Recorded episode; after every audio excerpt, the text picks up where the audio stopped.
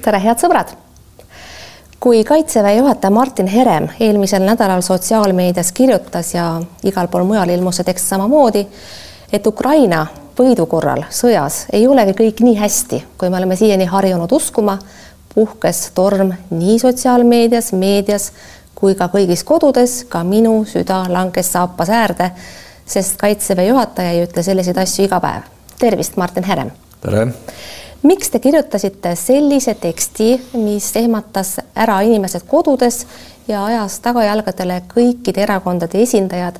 ma ei räägi loomulikult sellest väitest, et tõepoolest Ukraina sõja, Ukraina võidu korral selles sõjas ei ole kõik probleemid lahendatud, vaid ma pean silmas eelkõige teie sellist ülimalt hoiatavat, väga tõsist Eh, tooni ja väga suur vahe on, kas eh, sellest räägib eh, Kaitseväe juhataja või keegi teine. miks teil oli tarvis just sellel hetkel see kirjutis avaldada, mis selle eesmärk oli? küllap ma ikka olen sellist sõnumit rääkinud varasemalt ka, ka Ukraina sõja kontekstis. see jutt ja need noh, ütleme sellised mõttekäigud olid mul varem mitu korda ka välja öeldud, aga mitte ühes artiklis koos. ja mingi hetk ma tundsin, et ma pean need asjad kokku kirjutama, sest et ükshaaval ei viitsi enam inimestele rääkida, noh, väga erinevatele inimestele, ükskõik, kas on tuttavatele, poliitikutele, välismaa kolleegidele, ükskõik. ja siis ma ta kuskil jõuluteks kirjutasin valmis ja siis ta jäi lihtsalt paariks päevaks seisma mulle tundus, et üks võimalik põhjus sellise kirjutise avaldamiseks eh, võis olla ka teie teatav tüdimus sellist võlts, tüdimus võltsoptimismist sest kui vaadata näiteks Ukraina sõjablogijaid, siis need kasutavad enamasti Ukraina allikaid Vene omade kohta, noh, ei saagi väga palju teada, aga noh, on tek-, hakanud tekkima selline toon, et noh, nad varsti võidavad ja venelased on nii lollid, nad teevad kogu aeg rumalaid vigu ja noh, ukrainlased peaaegu naeravad nende üle, aga tegelikult käib sõda, seal ei ole midagi naerda ja see kõik on väga tõsine. Ja noh, võib-olla see võltsoptimism oli see, mis ajendas teid üks, üks nendest ajenditest. vist märtsikuuses või oli kuskil kevade poole ma ütlesin ka, et me oleme Vene armeest maalinud sellise lollaka väljanägemisega ja pidevalt äparduva sõjaväe. aga unustame ära, et see sõjavägi on võimeline ja tapabki noh, sadu inimesi päevas põhimõtteliselt, purustab linnasid. ja noh, loomulikult ka mina tahan, et ukrainlased võidaks ja ma arvan, et nendel läheb täna hästi noh, nii hästi nagu sõjas minna saab ja ma loodan ja psühholoogia tõenäoliselt mõjutab mind ka, et ma arvan, et nendel läheb veel paremini. aga see ei ole küsimus, me justkui arvame, et sellega saab kõik läbi, mina kardan, et ei saa. Needsamad põhjused seal, noh, kui Venemaa on need territooriumid enda omaks deklareerinud, suur ja võimas Venemaa, kuidas ta põhjendab hiljem, et ta need territooriumid jätab laokile, olles need kaotanud noh, nendele naeruväärsetele lääne väärtustega vastastele nagu ukrainlased ja kogu see lääs on. ja kes siis lõpuks on veel äh, põhjustanud väga suuri kaotusi elanikkonna hulgas. sest noh, kõik need mobiliseeritud inimesed, kes surma saavad, on ju kellegi, ma ei tea, perekonnaliikmed. emad, isad, vennad. ja, ja lõpuks ja lõpuks väike Eesti, Balti riigid, noh, rääkimata teistest on kõik sellele kaasa aidanud ja siis veel targutavad.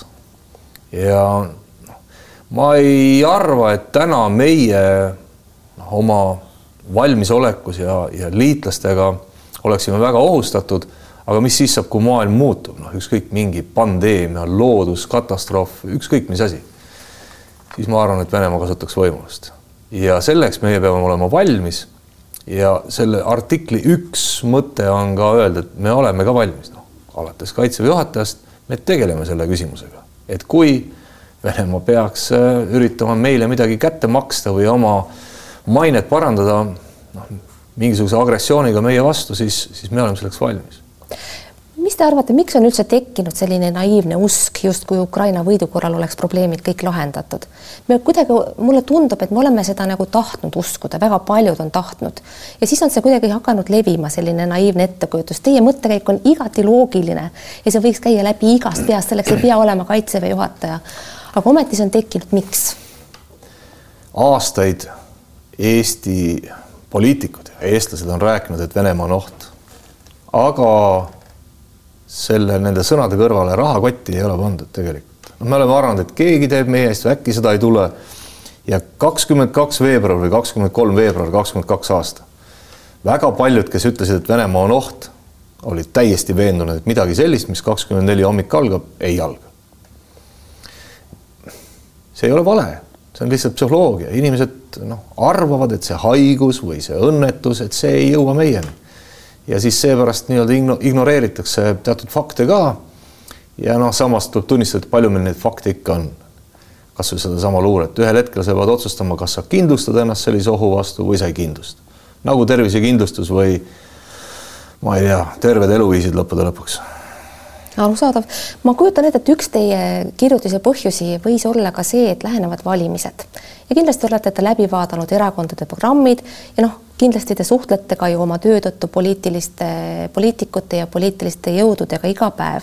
ja võib-olla teile tundus ka, et erakondades, eriti siis neis, kes eeldatavasti võivad moodustada järgmise valitsuse, Eh, ei ole võib-olla päris täpset arusaamist, kui palju täpselt on tarvis, eh, kui suur peab olema see protsent SKP-st, mis tagab Eesti julgeoleku. ehk mulle tundus, te tahtsite korrale kutsuda ka poliitilisi parteisid, parandage mind, kui ma eksin. kaks sõnumit seal siiski on, üks on seesama, et on olemas oht, et inimesed seda ära ei unustaks. noh, poliitikud, valijad, ükskõik. aga teine ka see, et äh, see, mis me täna Ukrainas palju loeme, siis äh, me kujutame ette, et on väga lihtsad lahendused sellele ohule. ma võin olla veelgi tõsisem ja öelda, et kui Venemaa peaks teostama agressiooni, siis kaotused meil on vältimatud. täna väga palju arvatakse, et me loome mingisuguse kaitsesüsteemi, hangime mingi relvasüsteemi ja sellega on lahendatud kõik. me ei pea nägema neid õudusi, mida me oleme näinud Ukrainas ma kinnitan, kui Venemaa teostab agressiooni vastu, siis need õudused jõuavad meie hoovi peale. iseasi on see, kui palju me suudame neid vältida ainult ühe tegevusega ja see on hävitades sedasama agressorit.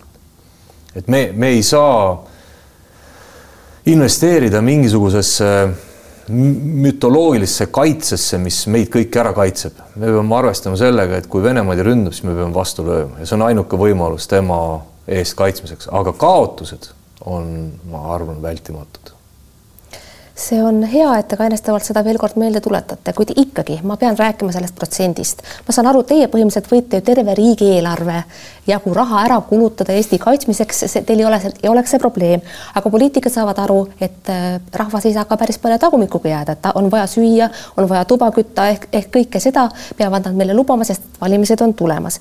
ehk siis mulle tundub, et üks teie eesmärke on siiski tagada, et kolmest protsendist allapoole kolm protsenti SKT-st, kaitsekulud ei kuku ka pärast valimisi, saan ma õigesti aru, vähemalt absoluutne miinimum. Mina protsenti ei saa öelda, vähemaks või rohkemaks, ma seda tõesti ei saa öelda, ma olen selles suhtes kehvas olukorras. ma päriselt ka arvan, et mina ei saa seda öelda, ma ei saa sellest palka ja mul ei ole seda vastutust ja mul ei ole seda õigust. kui ma ütleks, et riigikaitse peab saama nii mitu protsenti, siis ma peaks ütlema, kust mujalt protsentidest see tuleb ja selle jaoks on meil valitsus ja meil on Riigikogu ja meil on valijad ja kõik muu. ma ei saa seda öelda, küll aga mina saan öelda, milliseid süsteeme meil täna on hädasti vaja või milliseid süsteeme me peame edasi arendama. millist laskemoona meil on vaja, kuidas kaitsevalmidust, mis on tegelikult ka raha, kuidas seda saab parandada. et neid asju mina pean ütlema ja lõpuks, kui valitsus, milline ta siis ka ei ole, otsustab ühe või teise protsendi ja komakohaga, siis, siis see on nende otsus aga ma pean olema küll selge. Ja nõudja ma päris olla ikkagi ei saa. No alles jõudsid kohale, jõudis kohale HIMARS ja nende, praegu ta ei ole veel meie oma, aga me ostame neid, eks ju. ja keskmaa õhutõrje suhtes on otsused tehtud. Ja kõik sellised asjad, mis on nagu avalikult teada, aga mis on Eesti kaitsevõimes see, see lünk, mida teie tahaksite, et kohe hakataks täitma, seda eriti teadmises, et igasugused hanked võtavad aega, mis on see konkreetne otsus millest, mille tegemisest või tegemata jätmisest te praegu kõige rohkem puudust tunnete Eesti kaitsevõime seisukohalt? ikka eelpool mainitud äh, kaks korda rohkem. ehk rohkem õhutõrjet, äh, rohkem kaugele ulatuvat suurtükiväge ja rohkem laskemoona. ja see on kõik see, mida saab tavaliselt äh, noh, laskemoona küll mitte, aga see on see, mida saab paraadil näidata, tegelikult selle taga on veel üsna palju asju, et õhutõrje tähendab õhuseiret, see tähendab radareid, erinevaid sensoreid, see tähendab sidevahendeid, millest keegi kunagi ei räägi. ja tavaliselt jääb see nende uhkete laskeseadmete taustale kuskile varju. luuresüsteemid, sõduri varustus ka, tavalise sõduri varustus, aga ka kui me räägime kaitsevalmidusest, siis kuidas korraldada kõik see teenistus selliselt, et äh, Eesti kodanik, kes on ajateenistuses välja õpetatud ja on reservväelane, tuleks väga kiirelt ja tahaks väga hästi õppida oma ametit ja see kõik maksab ka raha, nii et. no kuidas oleks tankide paljus... ja soomukitega, mis moodustaksid ju iseenesest ka sellest äh, suurest pildist, mosaiiksest pildist. kahtlemata, tankide, soomukid sinna otsa. mõnedki nendest asjadest, mis ma siin maininud olen, äh, tulevad Eestisse järgmise aasta, kahe, kolme ja nelja jooksul näiteks ka teise brigaadi soomustransportöörid jõuavadki siia järgmise kolme-nelja aasta jooksul. seesama küsimus õigupoolest ka Ukraina kohta, et väga palju on heidetud ette lääneriikidele, et abi antakse liiga aeglaselt, liiga vähe ja no kui seda oleks antud piisavalt, oleks ukrainlased juba ammugi võitnud. aga mis on konkreetselt praeguses olukorras see, mis võiks tuua Ukraina sõjasse pöörde? Himarsid on ennast näidanud väga heast küljest, aga võib-olla on need hoopis ameeriklaste Abramsid, mis võiksid tuua, tuua pöörde. mis see teie hinnangul võiks olla? raske öelda, ega see, seal on vaja samamoodi erinevaid vahendeid, ei ole ühte ainukest võtit. teine, nendel on korraga vaja palju. me oleme Ukrainat toetanud siin kuude jooksul ja niimoodi tilgutanud, nii et see tagumine ots noh, mitte just ei põletata maha, aga vahetevahel kulub lihtsalt ära ennem kui see eesmine ots on nendele kohale jõudnud ja niimoodi on neil kogu aeg noh, natukese haaval mingisuguseid süsteeme. ma loodan, et nüüd järgmistel kuudel siiski tekib neil süsteeme neil piisavas massis teatud lõikudes ja siis sõltub juba palju ukrainlaste oskusest ja vaprusest, millal nad sealt läbi murravad kuivõrd tunnetate teie seda, et äh, kaitsetööstus ei jõua järele ei Ukraina nõudmistele, teiste suurriikide nõudmistele, ka meie nõudmistele, sest tõepoolest äh, ei ole ju olnud vaja, vähemasti pole teadvustatud seda, et on vaja? Eesti on teatud lõikudes Euroopas olnud selle aasta jooksul üks suuremaid laskemoona ostjaid, ma pean silmas kogu selliselt. on mõningad laskemoonatootjad, kelle toodangu Eesti on ära ostnud kuni kahekümne viienda aastani kõik, mis nad järgmised kaks aastat toodavad, tuleb Eestisse. et sellised lepingud on, et noh, see ja, ja ma ei taha siin kiidelda Eesti vast vastupidi, see näitab tootmisvõimekust paljude äh, tootjate puhul. kui viiskümmend aastat tagasi või rohkem aastat tagasi väga paljud sellest tootmisest kuulus riikidele, siis praegult on kõik eraettevõtlus. igaüks tahab mingit garantiid, et kui ta liine suurendab või vahetusi suurendab siis järgmise kahe aasta jooksul või kolme aasta jooksul kõik see investeering tema käest ka ära ostetakse. ja riigid kahtlemata peaksid siis mingid garantiid andma. sellega täna tegeleb nii Euroopa Liit kui NATO. aga noh, paraku need protsessid väga aeglased ja eks riigid ka loodavad, et see, mis Ukrainas praegu toimub, saab läbi ja saab läbi niimoodi, et Venemaa on nii nõrk, et võib-olla ei tule väga palju investeerida sellesse kõigesse andke andeks, on naiivne küsimus sada korda küsitud, aga millal saab läbi ja kuidas me defineerime seda, et nüüd on läbi, ehk siis missuguse aastaarvu positsioonidega defineerida Ukraina võitu? ma ei oska seda öelda. Ukraina jaoks ühest küljest võiks olla läbi, kui viimane Vene sõduri saabas tema territooriumilt on väljas, kaasa arvatud Krimm ja, ja kõik muud piirkonnad. kaasa arvatud Donetsk ja Luhansk loomulikult. kaasa arvatud nüüd küsimus on selles, et kas pärast seda Venemaa võiks jätkata nii, nagu ta tegi neljateistkümnendal aastal, kus ta laseb lihtsalt oma riigi territooriumilt rakette. kas siis on läbi, kas siis Ukraina peab minema Venemaa territooriumile? või kui see konflikt külmub seal ära, kas siis me ootame, millal ta uuesti kuumaks läheb või läheb kuumaks hoopis teises kohas? ma ütlen ausalt, mul ei ole väga positiivseid perspektiive selle konflikti osas ma arvan, et esimene samm, mis on vältimatu, on see, et Ukraina territoorium või territooriumi terviklikkus taastatakse, seal ei ole nagu mitte mingit variantigi midagi vähemat mõelda. mis saab pärast seda, ma ennustada ei tahaks ennustamine ongi tänamatu töö, kuid üks äh, küsimus siiski Valgevene kohta. Putin käib kogu aeg Lukašenkaga juttu ajamas ja noh, on spekuleeritud selle üle, et mis siis, kui äh, mõned äh, näiteks taktikalise tuumarelva löögid tulevad hoopis Valgevenest, mismoodi reageerib NATO siis. kui tõenäoliseks teie peate seda, et Valgevene kistakse sellesse konflikti? no kõigepealt taktikalist tuumarelva ta Valgevenest laskma ei peaks. mulle tundub äh, nii, et Valgevene on täna väga hea pingestaja või survestaja nii lääneriikidele kui ka Ukrainale siis põhja suunast. ja lisaks sellele on ta väga hea treeningbaas teatud mobiliseeritud üksustele. ma ei usu ja ei näe, et sealt täna maapealset rünnakut oleks äh, tulemas järgmise järgmiste nädalate või isegi kuu aja jooksul.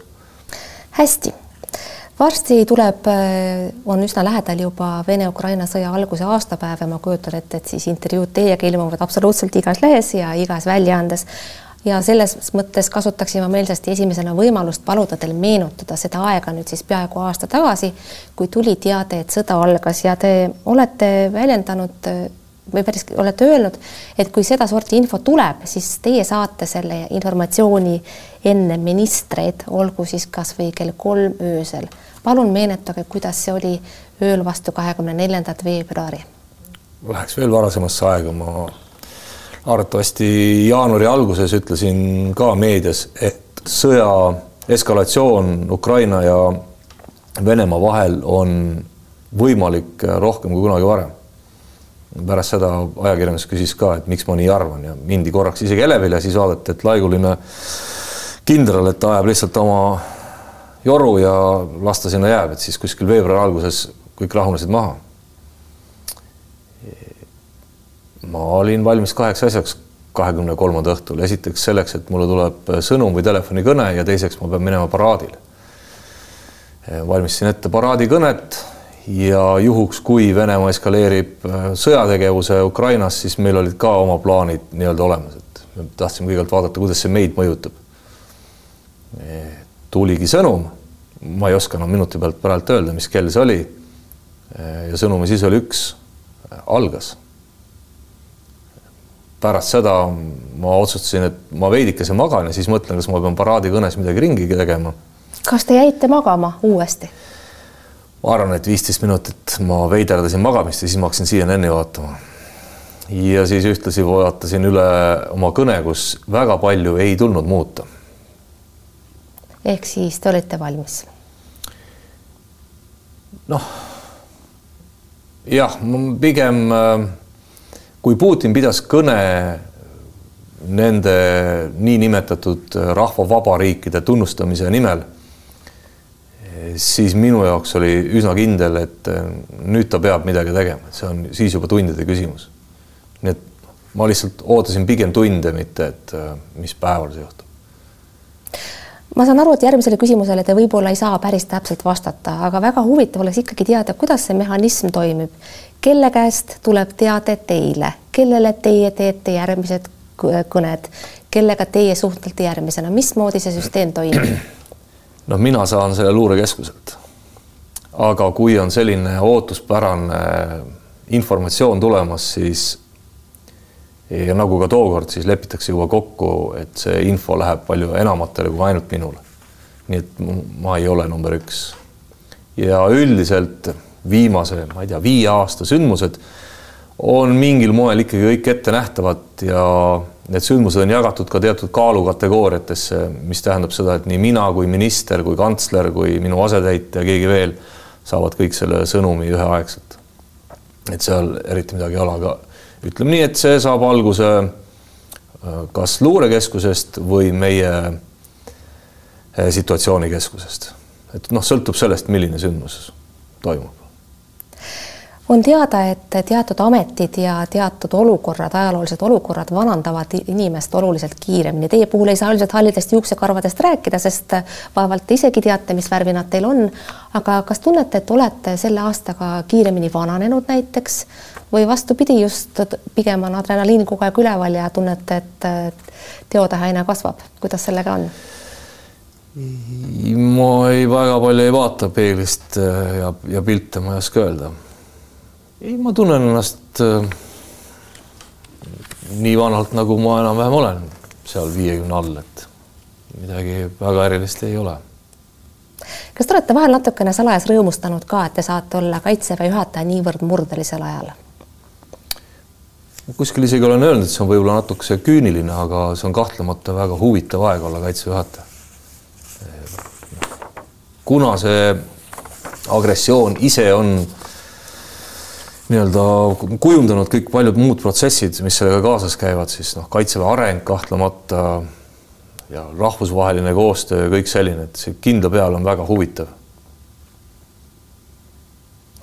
räägime paar sõna ajateenistuse pikendamisest, mille vajadusest olete rääkinud viimasel ajal päris mitu korda, aga mulle tundub suhteliselt kurtidele kõrvadele, vähemasti poliitikud ei ole sellest kuigi kinni võtnud enne valimisi peetakse seda ilmselt ebapopulaarseks, see võib olla üks seletus, aga mis on teine, sest tegelikult nüüd võiks ju kõik poliitikud ka aru saada, et ajateenistuse pikendamisel on point sees. me vaatasime selle üle ja tookord see oli ka üks võimalustest.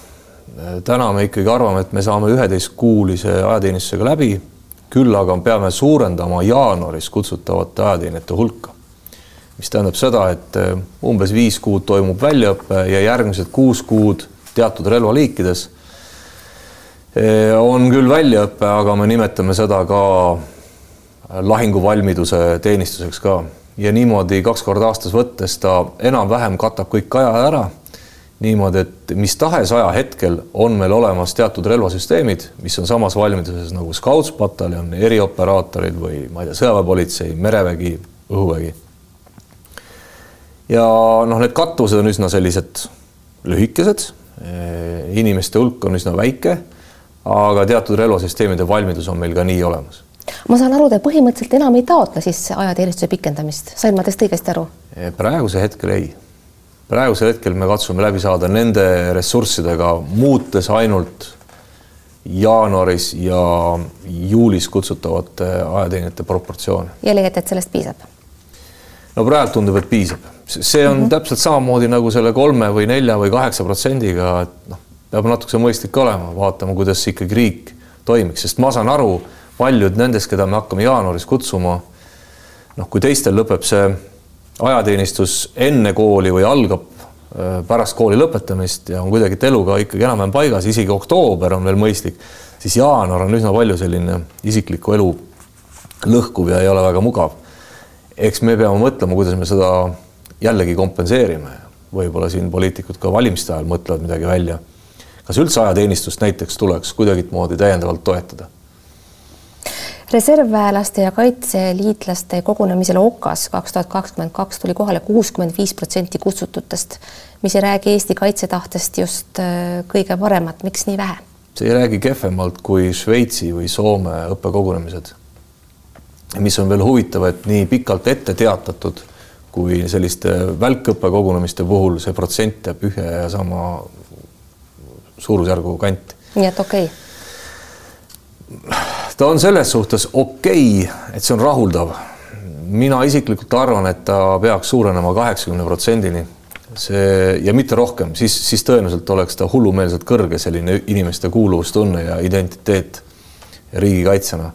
aga kaheksakümmend protsenti teeks meile üsna ladusaks ja mugavaks üksuste komplekteerimised, sa tead alati, et sul tuleb suurem osa kohale ja, ja sa ei pea tegema nii palju ülekattet sellele üksusele, et noh, kui sa tahad tuhande inimeselist üksust kokku saada, siis sa pead kukkuma, kutsuma tuhat mitusada. nüüd sa võid kutsuda vähem ja, ja vähem on sellist ametikohtade ümbermängimist kui tähtsaks peate riigikaitseõpetuse tagasitoomist koolidesse laiapõhjaliselt, ma hakkasin mõtlema, et nõukogude ajal mina lasin sõjaliste tundidest alati jalga ja sain sellest kahed kirja nagu kõik teisedki minu klassis keskkooli ajal. aga ma arvan, praegu ma seda enam ei teeks ja küllap ei teeks seda ka teised. oleks see midagi, mis aitab äh, riigikaitse olukorda parandada ja näiteks ka hiljem kaitseväkke ja sõjaväkke ajateenistusse rohkem noori inimesi tuua? Ega ma ju ei tea täpselt üldhariduskoolide õppekavasidki enam, et ma saaksin targutada. võite ikka. sellist riigikaitseõpetust äh, võib muidugi viia ka kohustuslikuks, aga kindlasti oleks vaja kodanikuõpetust äh, suurendada selles suhtes, et veel korra noored inimesed, kes lähevad iseseisvasse ellu ja hakkavad maksumaksjaks, saaksid aru, kuhu nende maksud lähevad, kuidas nad tervishoiu, transpordi või ma ei tea, teeparandusena tagasi tulevad haridusena. ja miks tuleb maksta makse ja, ja kuskohast äh, saab võtta raha nii riigikaitseks kui hariduseks kui kõigeks muuks. ja kuidas meie noh, demokraatlik riik on üleüldse korraldatud. ma arvan, see on riigikaitse mõttes ka hästi tähtis, sest noh, muidu inimesed, kes ei tea neid asju, arvavad, et need protsessid käivad lihtsalt kuidagi pilla-palla ja jumal teab, milliste salaorganisatsioonide poolt äh, äh, korraldatuna ja ja see tekitab sellist noh, jällegi madalat kaitsetahet, madalat usaldust oma oma riigi valitsejatesse ja, ja noh, ükskõik mis siis ametnikesse, ma parandaks seda palju suurema hooga, kui õpetaks püssi laskmist kuskil kui te juba seda väljendasite, siis võiks teil olla olemas ka suhtumine elanikkonna kaitsesse.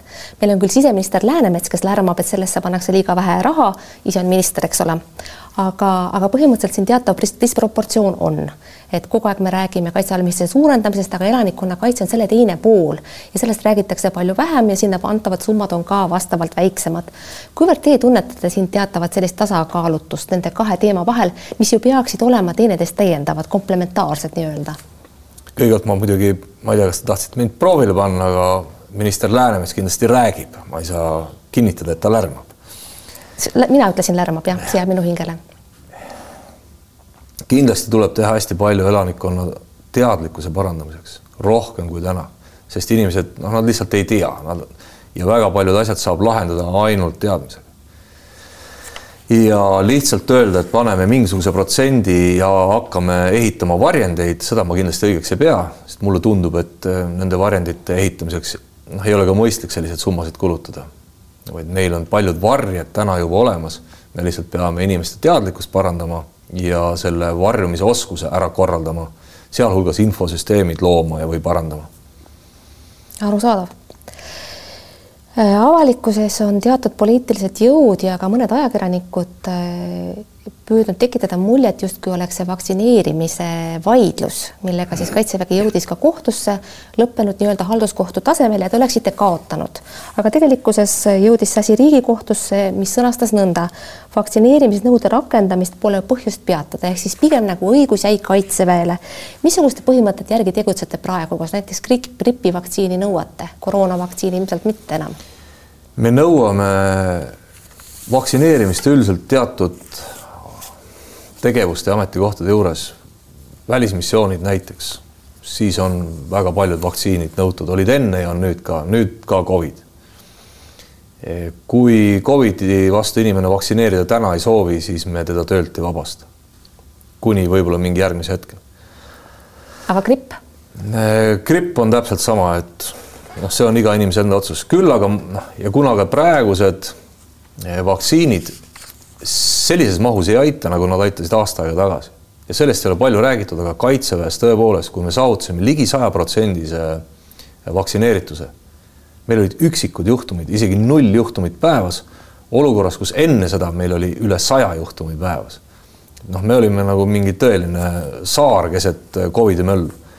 ja kakskümmend kaks aasta jaanuarist, kui see järgmine omikron liikvele läks, siis see muidugi enam nii hästi ei toiminud. küll aga minule tundub nende statistiliste näitajate puhul, et tänane äh, vaktsiin ikkagi hoiab sind vähem kodus selle haigusega ja kaitseväe numbrid jätkuvalt on paremad täna, kui meil on riigis. hästi, teie auaste on kindralleitnant, aga mäletatavasti Terras enne teid sai kindraliks. miks tema sai, aga teie pole saanud? oh, see on keeruline küsimus, ma ei tunne ennast sellepärast kuidagimoodi kehvemini, aga see on aga kuidas see käib, miks te pole saanud, miks te pole kindral, miks te olete kindralleitnant? mind peaks, ma ei ole selle peale mõelnud, tõenäoliselt esitlema minister äh, presidendile ja siis president peaks selle neljanda tärni mulle andma. aga Pevkuri süü on see kõik, kaitseminister peaks esitama? ei ole.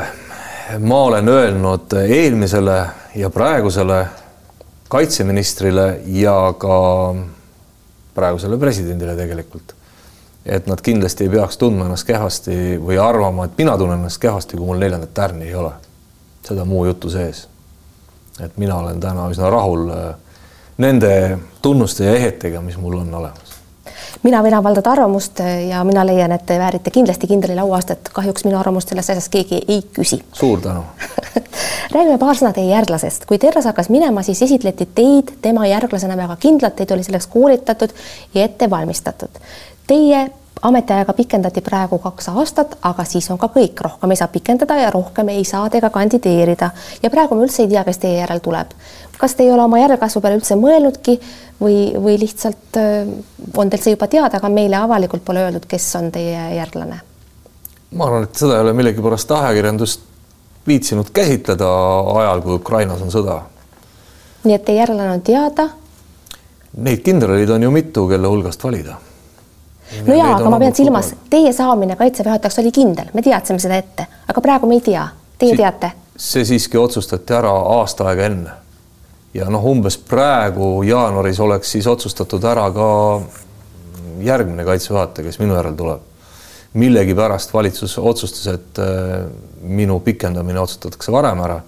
ma ei tea, millal Terrase pikendamine ära otsustati, ma tõesti ei mäleta.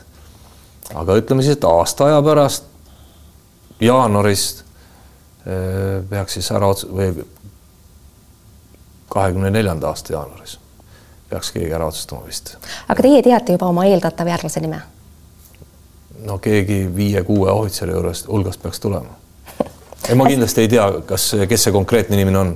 ei, ma ei tea arusaadav, aga ühel hetkel on ka te, on teie karjäär kaitseväe juhatajana läbi ja tavaliselt lähevad kaitseväe juhatajad veel poliitikasse. minul on reeglina. eks ole, reeglina. minul on hirmus raske ette kujutada teid poliitikas, aga võib-olla olete te poliitikutega nii lähedaseks saanud ja mõne jõuga koguni nii, nii lähedaseks, et polegi raske minna. kuidas sellega on? ma ütlen sellise klišeeliku, et ära iial ütle iial, aga Te ma... kaalute seda? Te täna... ei pea seda võimatuks? ma ütlen, et ma ei kaalu seda täna päris kindlasti aga te ei pea seda päris võimatuks? no ei tea, mis juhtub, äh, kuidas, kas keegi mind äh, motiveerib või ajab väga närvi, mis võib juhtuda inimesega, no ma ei tea, aga ma täna küll ei kujuta seda ette absoluutselt. päris tõsiselt.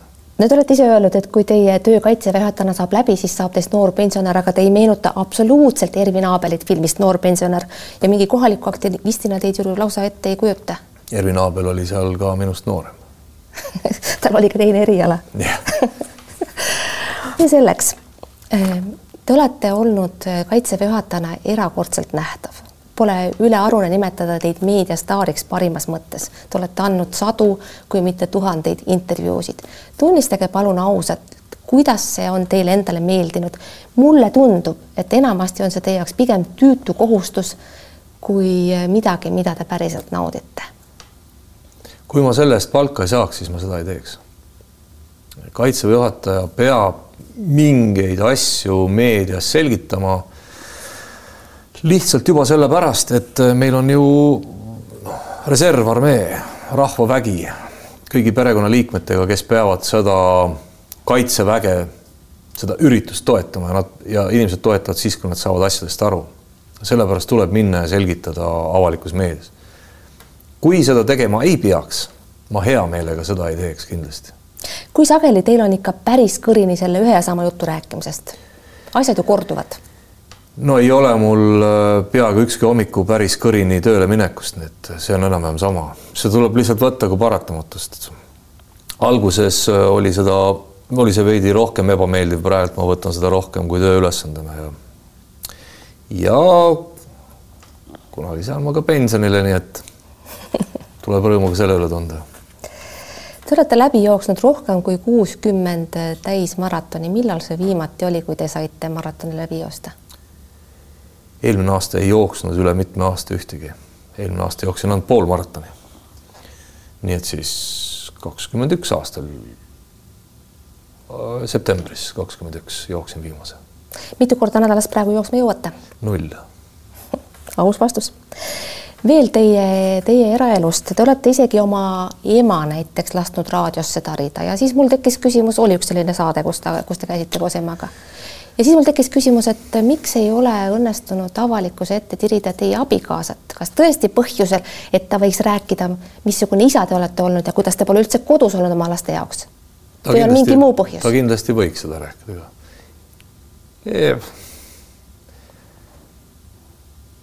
oma emaga ma ei oleks läinud tõenäoliselt saatesse, aga ma arvan, et nende inimeste mälestused väärivad kuidagimoodi jäädvustamist. ja see oli ainukene põhjus, et noh, tegelikult mul jällegi mingit edevuse pärast, ma väga pikalt kaalusin seda ka. et see oli pigem ema pärast. minu abikaasal tõenäoliselt on ka midagi kahtlemata selgitada kuskil, aga noh, las ta teeb seda siis, kui õige aeg on käes, ma arvan, praegu pole seda vaja teha Te olete Aliise ja Harri Moora lapselaps, see on siis see kuulus vahmiil, kuhu kuuluvad ligid ja rün-, runnelid ja tarandid. kellega saate paremini läbi, kas Indrek Tarandi või Jürgen Ligiga, teie laiendatud vahmiili liikmed? ma kasvasin kõige rohkem koos üles Kristjan Mooraga hoopiski, kes on ka täna poliitikas. ja, Jürgen Ligiga ma olen suhteliselt vähe oma elus kokku puutunud, ka Indrek Tarandiga no umbes sama palju, et pigem siis, kui on mingid suuremad sünnipäevad või kokkutulekud. aga neid ei ole elu jooksul olnud, noh, neid ei ole isegi kümneid kordi olnud.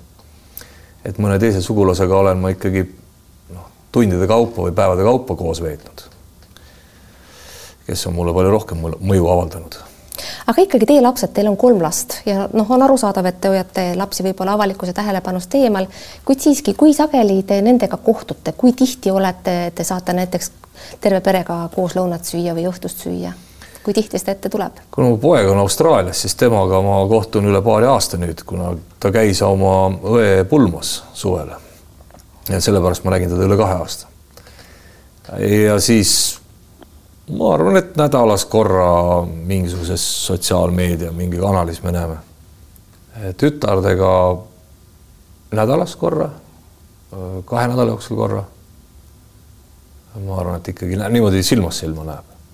abikaasadele ette ei heida, et te üldse te nii harva näole annate?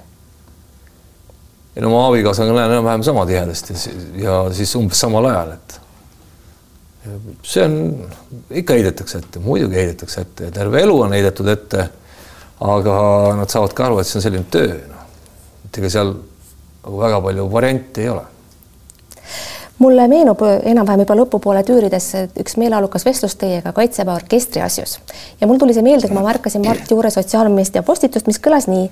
üks HIMARS-i rakett maksab umbes kaks miljonit eurot. mõtlen, et kui jätaks õige ühe raketi ostmata, kirjutab Juur ja paneks alustuseks väikese summa hoopis Eesti kirjanduse edendamise alla. Javelini pauk maksab sada viiskümmend tuhat eurot, selle summakese võiks anda kirjanduskriitikale ja kirjandusteaduse arendamiseks. mida arvate sellise postituse vastu, vastuseks või toetuseks? noh, Mart juhul peaks saama valitsusse ja siis tegema vastavad otsused ja siis see nii läheks et.... no tegemist ongi ju tegelikult äh, ametlikult ametisse nimetamata kirjandusministriga. jah, nii et äh, las ta räägib oma ametlikult mitte ametisse nimetatud kaitseministriga ja peaministriga tõstavad need rahad ringi. hästi. aga see kostab muidugi väga hästi, jah lõpetuseks Madis Jürgeni kaudu, kes on suurepärane kolleeg ja väga hea ajakirjanik, saame teada, et oleme teada saanud, et te olete meister muttide püüdmises. ja et kord juhtus teiega isegi selline lugu, et te püüdsite mingi, ma ei tea, kaheksa või üheksa või üksteist mutti ja võtsite neil välja maksad ja valmistasite muti maksakastet. see pidi ikka päris rõve olema. maksakastme valmistas siiski minu naine ja kokana ma olen väga vilets. aga te sõite seda koos naisega ei, naine tegi valmis kastme, pani selle lauale, ütles, et äh, maksakaste on siin, panni võite ära visata. ja me sõpradega sõime seda, jah. kuidas maitses? nagu maksakaste. Martin Herem, ma tänan teid südamest selle vestluse eest, head sõbrad. saade lõpeb siia kohta ära, järgmine saade tuleb järgmisel nädalal, nagu ikka. elage vahepeal hästi, olgu teile kõik toredasti, kuulmiseni ja nägemiseni